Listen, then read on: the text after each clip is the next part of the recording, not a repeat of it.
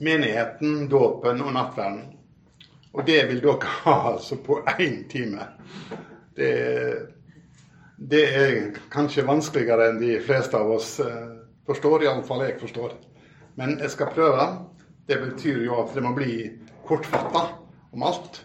Men eh, vi skal prøve. Eh, Enhver er seg sjøl nærmest. Derfor skal jeg jo si at eh, jeg har skrevet om dette i bl.a. den eh, troslæra, eller troslæra heter det vel på, sikkert skrevet på bokmål, Vi tror sammen. Der har jeg jo skrevet noen kapittel som også omhandler dette temaet i og for seg. Og eh, det er viktig at de som leser den, bør lese kapittelet om nådemidlene før de leser de to kapitlene om dåpen og nattverden. Da får de den rette inngangen til de to spørsmålene. For det andre så um, har jo skrevet noe om dette i det gamle heftet, Bedehuset Heime misjonsstasjon, som ligger vel på nettet og i Indremisjonsforbundet fortsatt. Og så um, er det en bok som kanskje ikke er hvermanns eie, men som er en viktig bok, nemlig Den norske kirkes bekjennelsesskrifter.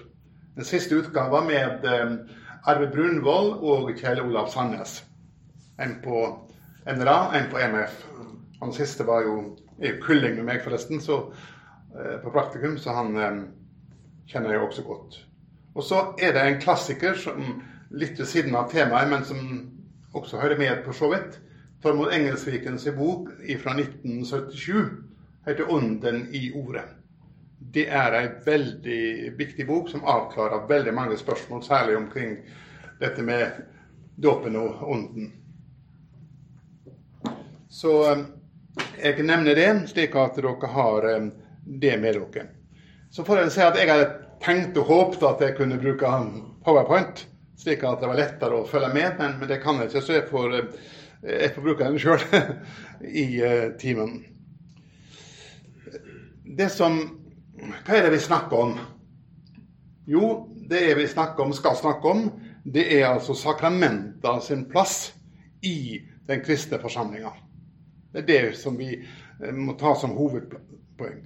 Men da er det er noen grunnleggende poeng som vi må ha med oss når vi skal snakke om et sånt tema. Og Nå skal jeg liste opp noen sånne strekpunkt.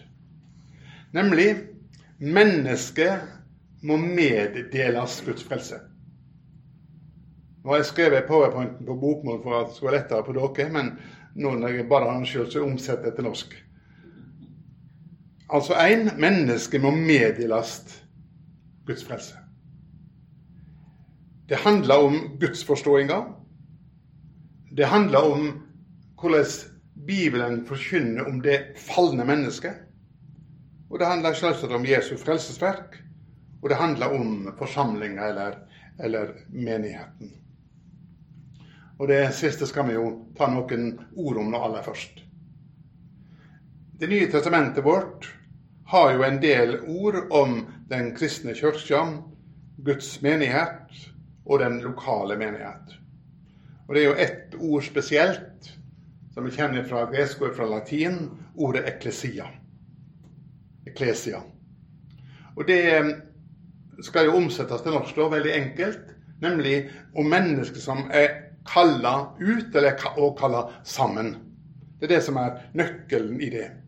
Og Det brukes jo på to måter i Det nye testamentet.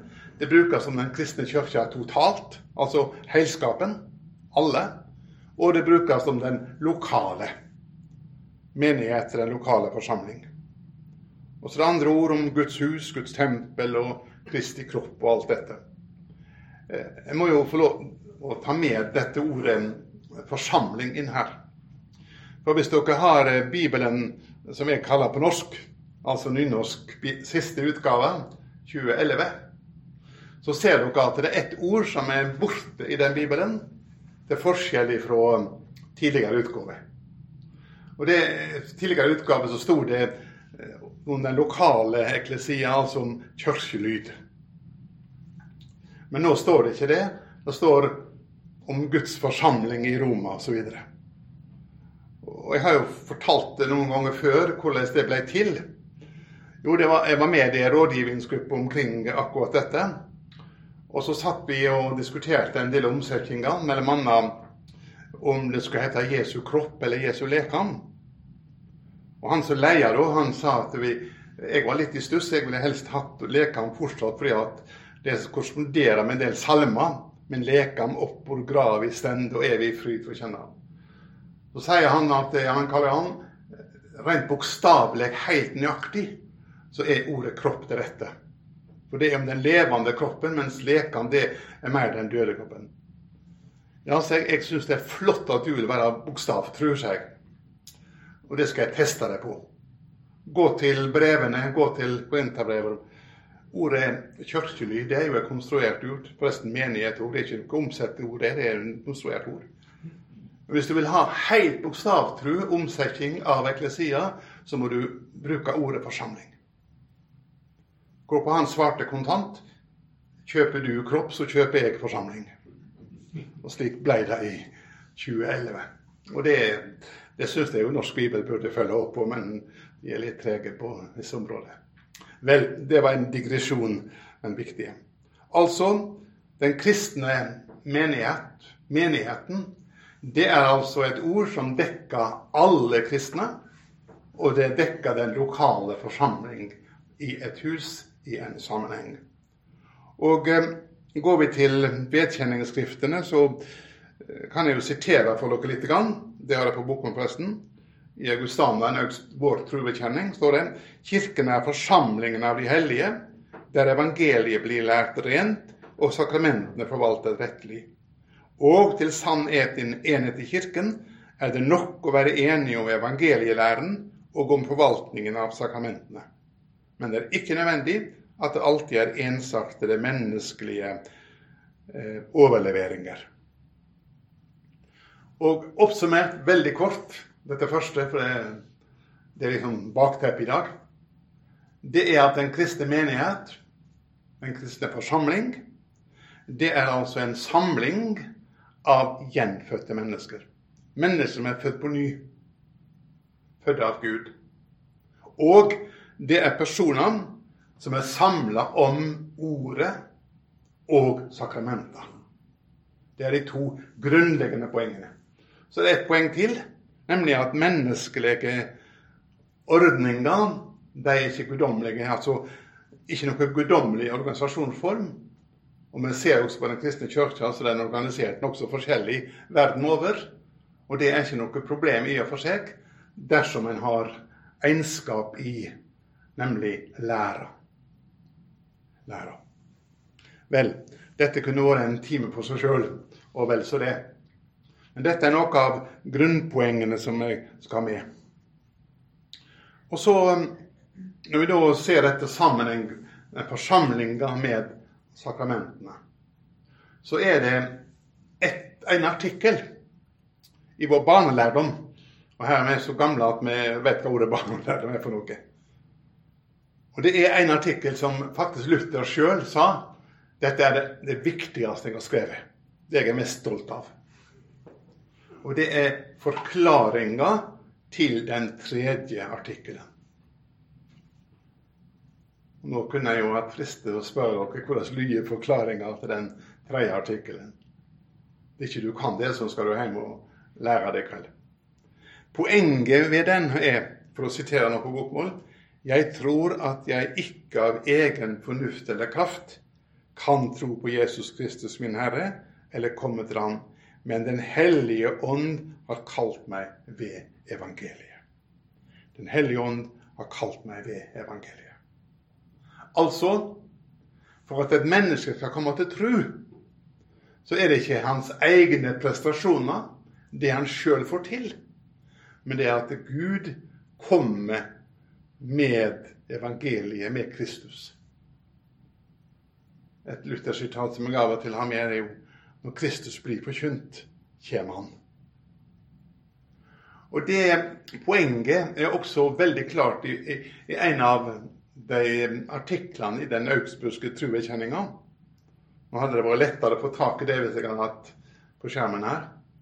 Men i, når jeg og Njål studerte, så heter det denne artikkelen hadde en overskrift. Den er jo seinere enn eh, reformasjonen. Men det heter 'Om det kirkelige embetet'. Når jeg skrev den boka om Bedus heimevisjonsstasjon og en del andre foredrag, har er sagt at den overskrifta er feil. Og den overskrifta er ikke dekkende for poeng i den artikkelen. Og Derfor var jeg veldig glad når eh, Brunvoll og, eh, og han eh, Sandnes kom med sin omsetning. Og da har de kalt den artikkelen 'Den hellige ånd, nådemidlene og troen'.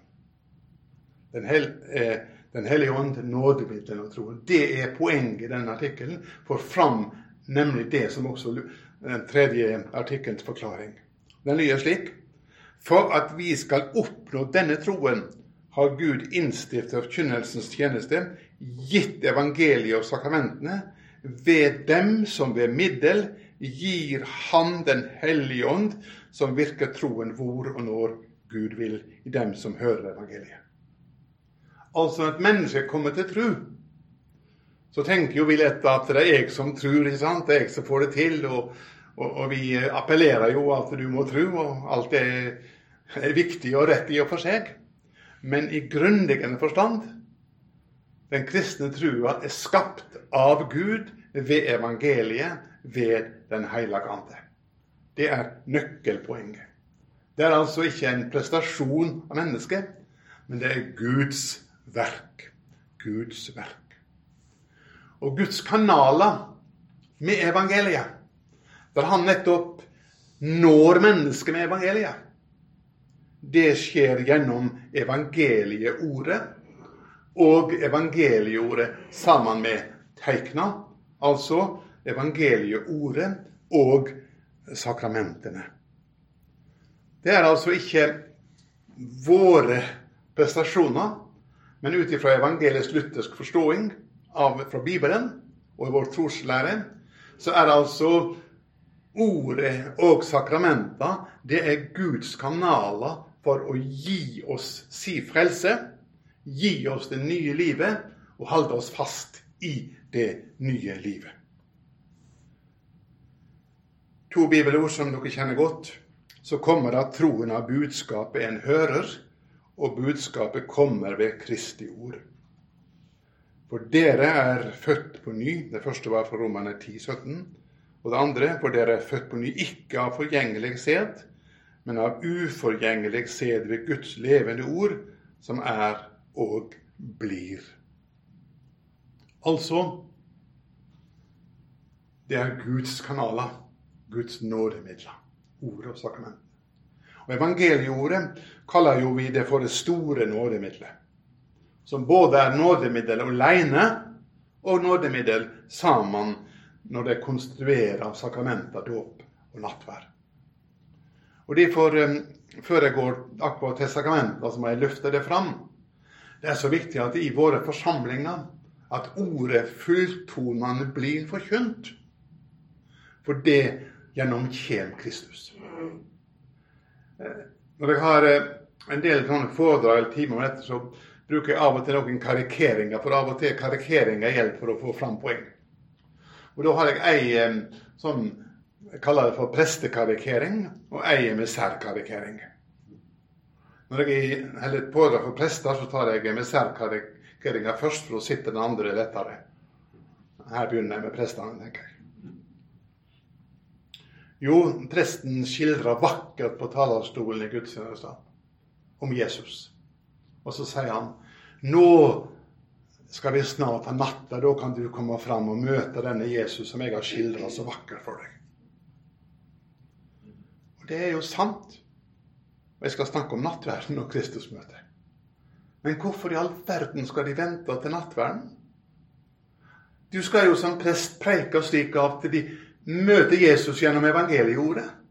For når Kristus blir forkynt rett, så kommer han. Du trenger ikke vente. Så var det med særen, da. Hva sier han? Jo, han sier at du må stanse igjen. Og så må du møte Jesus, som jeg har prekt om nå.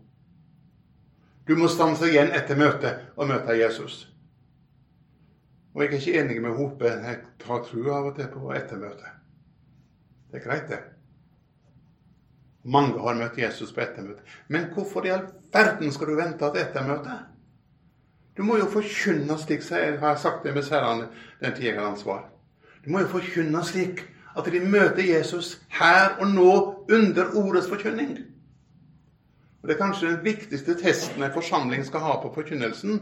Det er at møtte jeg Jesus gjennom det som var sagt? Eller fikk jeg noen gode viljesappell eller et eller annet fantasifullt? Møtte jeg Jesus? For ordets nådemiddel er å formidle Jesus. Og nettopp det også siden det er sakramenter som er poenget i kveld. Sakramenter er synlige middel, sier vi, som Gud gir oss sin usynlige nåde gjennom. Derfor trenger ikke vi spekulere verken om dåp eller nattverd, men har dette grunnleggende ved oss. Det er altså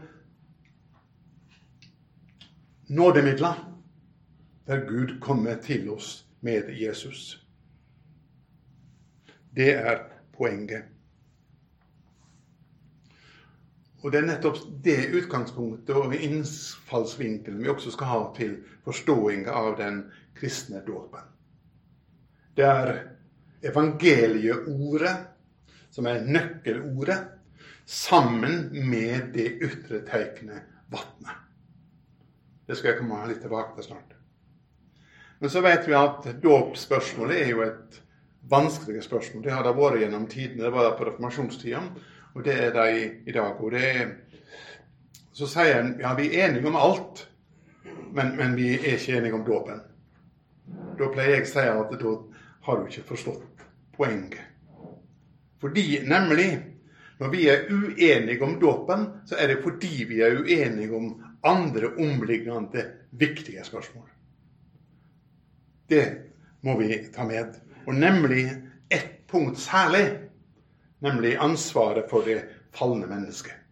Det falne menneskets ansvar det er kanskje nøkkelpunkter i å forstå forskjellen omkring dåpen. Jeg skal ikke bruke mye tid på dette nå, men den katolske kirka den eh, sier en eldre katekisme den hellige dåp er grunnvollen i hele det kristne liv. Den er porten inn til liv i ånden og døren inn til de andre sakramentene. Så det er et poeng den katolske forståinga at det, den virker ved gjort gjerning uavhengig av tro. Altså ved gjort gjerning. Det, på latin heter det ex opere operatio. Jeg eh, skal ikke ha noe foredrag om katolsk dåpsteologi nå i kveld. Men det er et viktig poeng i deres forståing. På motsatt side har vi det vi kaller for baptistisk dåpsteologi, eller barnevelsignelse og troendes dåp. Da er dåpen et symbol, og altså ikke nådeformidlende. Men det som er den grunnleggende skilnaden mellom reformatorisk luthersk forståing og baptistisk forståing, det er egentlig skillelinjene mellom arvesynd og arveskuld. Skjønner dere? Skilnaden mellom arvesynd og arveskuld. Barna hører til den syndige verden i og for seg.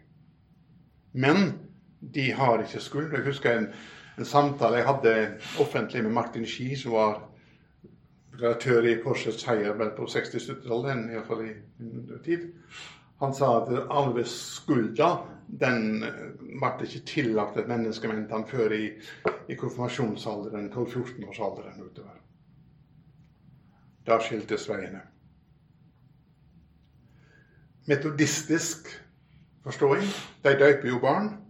Men de døyper barn fordi de er Guds barn i kraft av forsoningen. Og det betyr at det, dåpen er tegn på gjenfødelse og nytt liv, men også det er mellom mellom arvesynd og arve skuld. Det er forskjellen. Nå har ikke jeg høve til å gå inn dypere på det i kveld, men ha det litt i bakteppet. Skilnaden mellom arvesynd og arveskuld. Jeg skrev om dette i troslæra, bl.a. Men så er det noen da som vil si, og det har jeg møtt òg, når jeg nå snart går over til den lutherske forståinga Jeg vil døpe meg som Jesus døpte seg. Jeg vil gjøre som han gjorde. Da pleier noen av å sitere en, en gammel sjelesørger som fikk akkurat det svaret. Og han svarte slik. Jaså, du vil gjøre som Jesus gjorde, du. Det var fint. Men da må du gjøre resten òg. Da må du gjøre resten òg. Fordi, nemlig hvis du leser Matteus 3, 11-17, Jesu dåp, så er det et ord der som kanskje ikke alle grunner så sterkt på. Det står Jesus, hans svar. Når Johannes ikke ville han, men han, Jesus overtalte han, sa han vi må gjøre det for å fullbyrde all Guds rettferdighet. Og det fører oss inn nettopp på det at hele Guds frelsesverk måtte fullføres. Derfor er det som eh, en predikant sa det da han talte om dette. Jesus gikk ut i Jordan for å ta på seg menneskeslektas synd og skam og skuld. Og så får vi gå ut i vannet og vaske det av. Fordi Jesus gjorde det for oss. For oss. Hovedpoenget nemlig i den lutherske reformatoriske dåpsforståinga, det er at vi forstår det slik at arvesynd medfører arveskuld. Og det er jo ikke så lett å forstå det. De fleste av oss eh, her har vel kanskje barnebarn. Og det å tro at naboen sine unger er født etter syndefallet, det skjønner de fleste. Men det er verre å forstå at barnebarna våre er født etter arvesynder. Ikke sant? Det som han sa, amerikaneren, jeg visste det var så flott å få barnebarn, så jeg jammen fått de først. Det, det, kan noen av oss skjønne. Jeg venter et barnebarn i disse tider, så jeg vet noe om det. Vel, men Bibelen tar det annerledes. Ja, med skyld ble jeg født. Med synd ble jeg til i mors liv, sier David i Salme 51. Og I Efeserbrevet 2, det første verset, er et viktig avsnitt.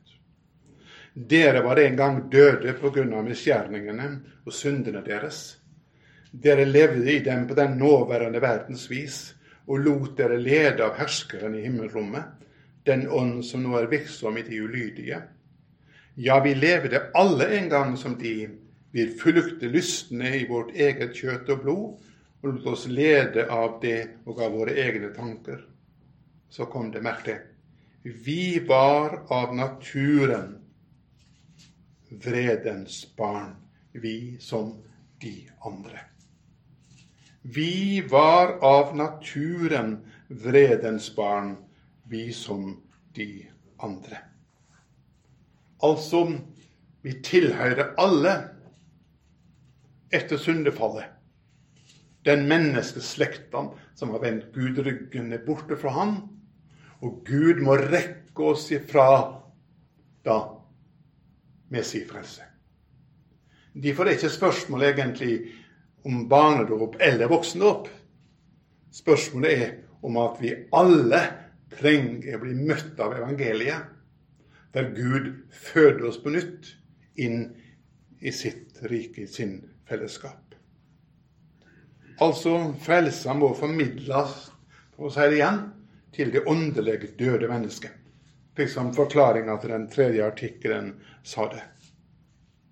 Og Det er nettopp disse poengene som ligger bak den barnelærdommen vår, katekisma, sin presentasjon av dåpen. Hva er dåpen, sier katekisma?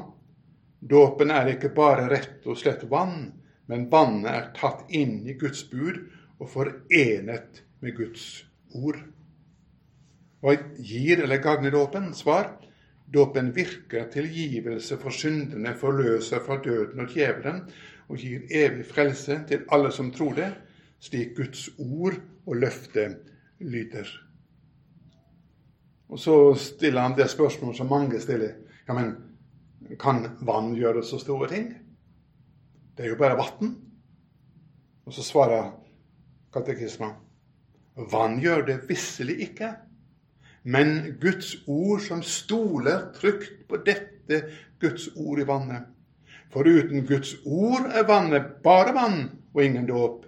Men med Guds ord er det en dåp, et nåderikt livets vann og et bad til ny fødsel i Den hellige ånd, som Han så rikelig har øst ut over oss ved Jesus Kristus, vår frelser, så vi skulle bli rettferdige ved Hans nåde og bli arvinger til det evige liv, som er vårt håp. Dette er troverdig ord.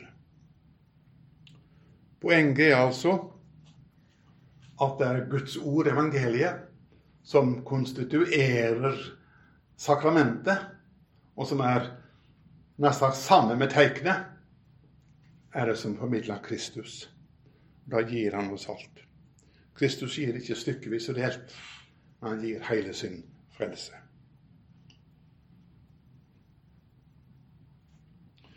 Og Så veit vi jo om dette er Guds gave, også ved barnedåp, eller vokst opp, hva det måtte være.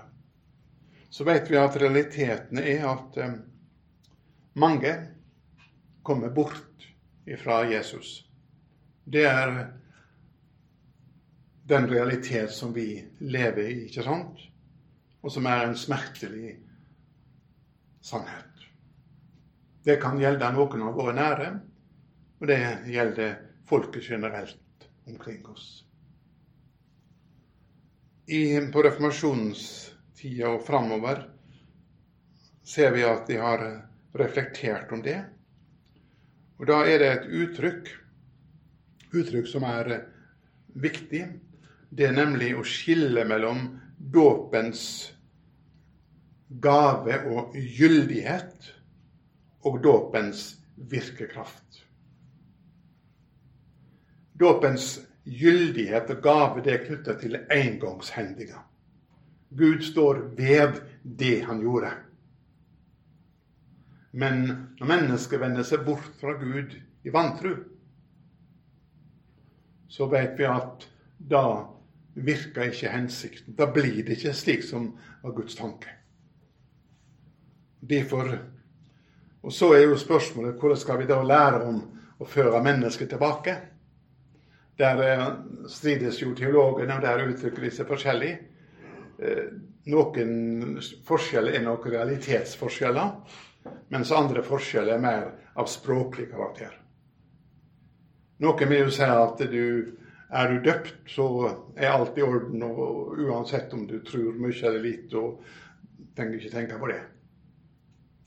Da kommer en ikke til rette med det bibelske materialet. Fordi at dåp og tro hører sammen. Ikke dåpsstyrke av en viss kvalitet, men at du er knyttet å leve i den kristne forsamling knytta til Jesus. Men andre Hallesby, f.eks., som var jo vekkelsesprofessor for så vidt, han snakket om at eh, det var bruk for en, eh, en, en oppvekkelse, en dødeoppvekkelse. Eh, jeg forstår språkbruken, jeg har gått imot han på det og påte, og gjør det fortsatt. Jeg forstår språkbruken og skal ikke dramatisere det mer enn nødvendig. Men jeg ville knytte meg til at apostelgjerningene mellom annet Nei, unnskyld, det første Peter brev taler som jeg siterte tidligere, om at den frafalne døpte må fødes på ny. Han er ikke bare slik at han er åndelig død. For er han åndelig død, så kan du ikke be han begynne å reise seg opp. Da må han vekkes utenfra. Og Derfor mener jeg at den bibelske språkbruken er best når den taler om en fødelse ved Guds ord. Altså gjenfødelse ved sakramentet, evangeliet og teiknet, og ved for den frafalne ved eh, ordet. Det får jeg spørre meg etterpå. Gå fort.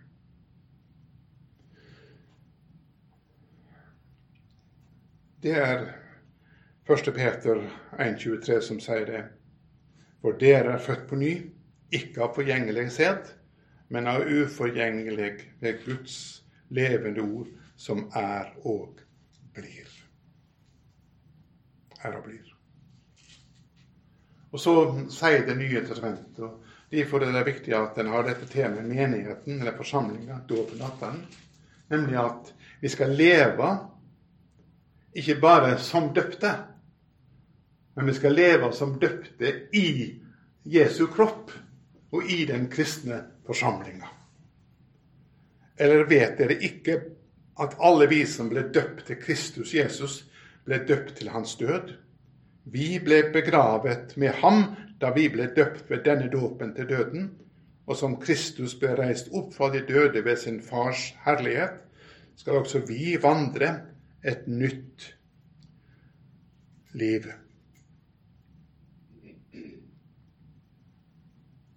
Det skal vi. Vi skal vandre et nytt liv. Og det er et viktig poeng. Nemlig det var det som også poenget i misjons- og dåpsboet. Gå ut og gjør til læresønnene ved å døype, og lære dem å holde alt det som jeg har båret Altså, og det er utfordringa for oss, nemlig at vi både skal døype, men også lære. Og poenget med det kan sikkert sies mye om, men jeg tar med to poeng. Det er viktig at trosopplæringa er skal man si, kunnskapsformidlende. Det vil si, vi trenger lære våre barn og våre ungdommer innholdet i den kristne tro. Sikkert mange pedagogiske måter, og de trenger ikke gjøre i dag som de gjorde når vi ble konfirmert. Det er ikke det. Pedagogikken er sikkert forskjellig. Men vi må formidle. og Jeg sa det til bibelskoleelevene. Det er to bøker du må ha på eller tre bøker du må ha på nattbordet. Seg. Det er Bibelen, selvsagt. Så må du ha katekisma. Og så tror jeg noen av dere trenger norsk grammatikk så dere vet hva dere leser. Vel, poenget er at vi trenger det. Men dåpsopplæringa er ikke bare kunnskapsopplæring. Den skal også være med å utruste den utrustning og åndsgaver som, som barnet har fått av Gud.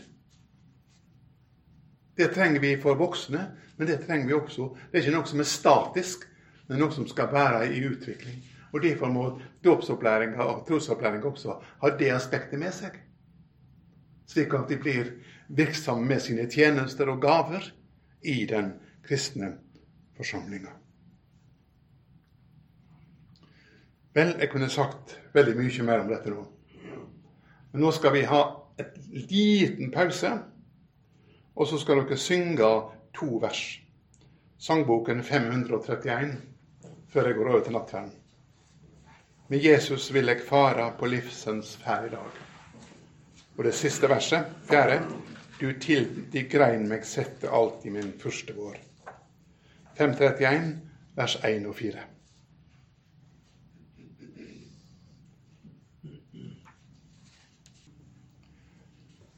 Dere husker kanskje i tidligere tider de gamle snakket om de fem b-ene. Det var altså knytta til de fire b-ene i apostelgjengene 2, 42. Men så snakket vi om de fem b-ene. Altså badet, Bibelen, Bibelen først kanskje, så badet, så brorsamfunnet, brødsbrytinga og bønnene. Fem b-ene. Det var um, poeng for å vite hvordan næringsstoffet måtte være for den kristne. Og eh, nattverden, som vi nå skal snakke litt om, det er jo nettopp et slikt næringsmiddel. Det er også et sakrament, dvs. si det er Guds kanal med sine frelsesgaver til den kristne forsamlinga. Mens dåpen er å føre inn i Kristi kropp, så er ikke nattverden det samme misjonsmiddel, for å kalle det det. Men det hører til næringa i den kristne forsamlinga. Vi trenger ikke snakke om bakgrunnen for uh, nattverden fra påskelammet, Det gamle testamentet og Jesus som påskeland. Men jeg viser dere jo til de sentrale tekstene. Matteus 26 og parallellene andre evangeliet. 1. Korintiabrev 11 og 1. Korintiabrev 10. Det er avsnitt som nettopp taler om, dope, nei, om nattverden. Men også her vet vi på reformasjonstida så var her et av de store brytningspunktene. Det var brytningspunkt med ulike grupper når det gjelder dåpen, men veldig mye var fokus på brytning omkring nattverdforståinga. Med den katolske kirka først. Fordi at eh, der var jo hele gudstjenesten knytta opp om, om nattverden, eller messeofferet, som var det sentrale. Der en på ublodig måte gjentok Jesu Golgata-offer. Derfor var det ikke så nøye med en menighet eller forsamling til stades. Presten forretta nattverden, for det var gjentagelse av Golgata-offeret til Gud. Jeg har drista meg til å si at eh, Ja, jeg kan ta ett punkt til før jeg sier det. Det andre punktet det er forvandling. Altså brød og vin blir forvandla til Jesu kropp og blod. Derfor kunne du ikke slå ubrukt vin tilbake på, eh, på vinflaska, eller legge bladene tilbake i samme skrinet. For det var jo Før var det oblata, men nå er det jo Jesu blod og kropp. Altså forvandling. Den, eh, den forståinga, den, eh, den var ikke reformasjonens forståing. Og eh, på motsatt side så har vi den reformerte nattverdlæra, som jo er særlig knyttet til Svingli på, på Luthers tid. Og det var en disputas, altså en diskusjon, et sånn debatt mellom Luther og eh, Svingli. Og Da er det fortalt om at eh, Svingli hadde skrevet på sin pult, sto vel kanskje med den type pulter som her, litt større kanskje, mot hverandre. Og så hadde Svingli skrevet på latin 'hoc significat'. Hoc significat. Hvor på Luther gikk til sin plass, og så skrev han med store bokstaver, kanskje større, 'hoc est'. Mens den første var altså 'dette symboliserer'. Svingli. Og så sier Luther nei, dette symboliserer ikke. Dette er.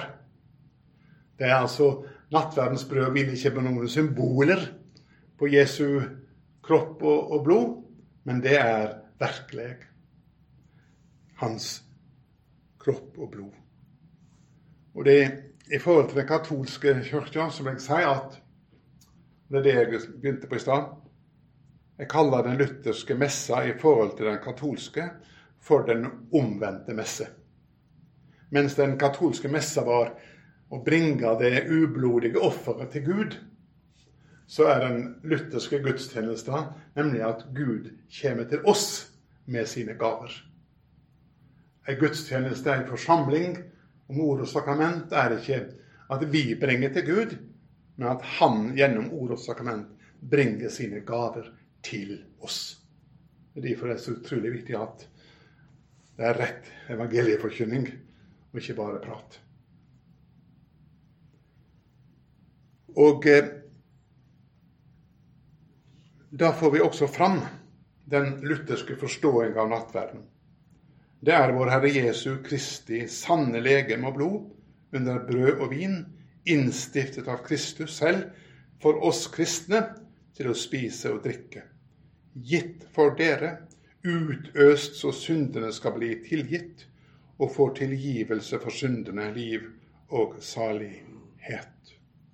Altså poenget, det er at det er Jesu sanne kropp og blod han kommer med gjennom sakramentet, som er evangeliet, ordet og tegnet, til oss. Og det er det under bruk. Det var et nøkkelord på reformasjonstida. Heter sub usu på latin. Altså under bruken. Derfor har jeg ingen problem med å legge ubrukte oblater tilbake i skrinet, eller ha ubrukt vin tilbake på flaska. Det er bedre det enn å drikke det opp og bli tatt i promillekontroll. For å si det enkelt. Altså Poenget er at det er under bruken at det er Jesu kropp og blod. Og Da er det viktig at vi nettopp forstår nattverden slik at den er et minnemåltid, ikke bare sånn symboliserer og husker sånn intellektuelt, men det bringer Kristi kropp og blod til oss som mat for vårt gudsliv som kristne. Gitt for dere, utøst for dere, så syndene skal bli tilgitt, for å sitere katekisma. Og Det er eh, noe av hovedpoengene vi skal ha med oss. I 1. Korintiabrev 10 så er det brukt et ord koinonia. Er det ikke koinonia med Jesu kropp? Koinonia med Jesu blod. Og Hva betyr ordet koinonia?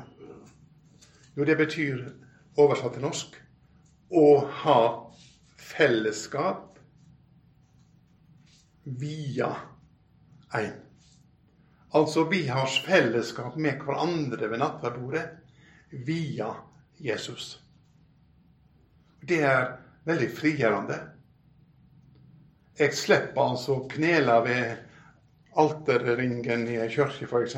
Tenker på han der typen som ligger ved siden av meg. Jeg lurer på hva kar det er.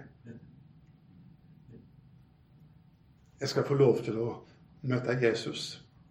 Og så møter jeg den andre via Jesus. Også når vi sitter rundt bordet eller stolene eller går fram i Betlehem jeg slipper å gruble så veldig mye på hvor andre Bør jeg ta nattverden sammen med han typen der? Han ser jo litt skummel ut. Nei, jeg møter han eller henne via Jesus. Skal være litt, sånn litt personlig på slutten. Jeg kom til Oslo og begynte å studere i ja, det, Jeg bør ikke si hva tid det var, men da tror dere jeg er eldre enn jeg ser ut. Jeg var i 64. Jeg kom jo fra Bømlo via Bryne og Saron, av alle ting, til Oslo. Og så bodde jeg slik at jeg, jeg havna på, på gudstjeneste i domkirka. Og alle de rare menneskene som gikk til alters i domkirka. Jeg lurte på hva jeg egentlig hadde rota meg borti. Men da var det altså at jeg tidlig i eh, Oslo-tida fikk grunna nettopp på koinonia. Og da brydde jeg ikke om den som jeg sa lå ved siden, hadde lange øredobber eller lange røde lipper, eller hva det måtte være, og litt ruflete på håret. Fordi at jeg, jeg møtte Jesus. Jeg møtte andre via han. Koinonia etter William. Altså summert opp nattverd i den kristne forsamlinga. Det er et styrkemåltid der jeg kommer nær Jesus, møter Han. Og via Jesus kommer jeg nær de andre. Jeg kommer de andre nær via Jesus. Det er et frigjørende, viktig poeng for meg. Nådemidlene er Guds kanaler for å gi oss og holde oss fast i Guds frelse og nåde i Kristus Jesus. Og Oppsummerer jeg da veldig kort, så kan jeg si det slik. Dåpen, ordet og vatnet føder oss inn i Kristi kopp og Guds forsamling. Nattværen koinonia med Kristus og med hverandre, altså hans kropp og jord. Og så er det forsmak på koinonia i det fullkomne Guds rike.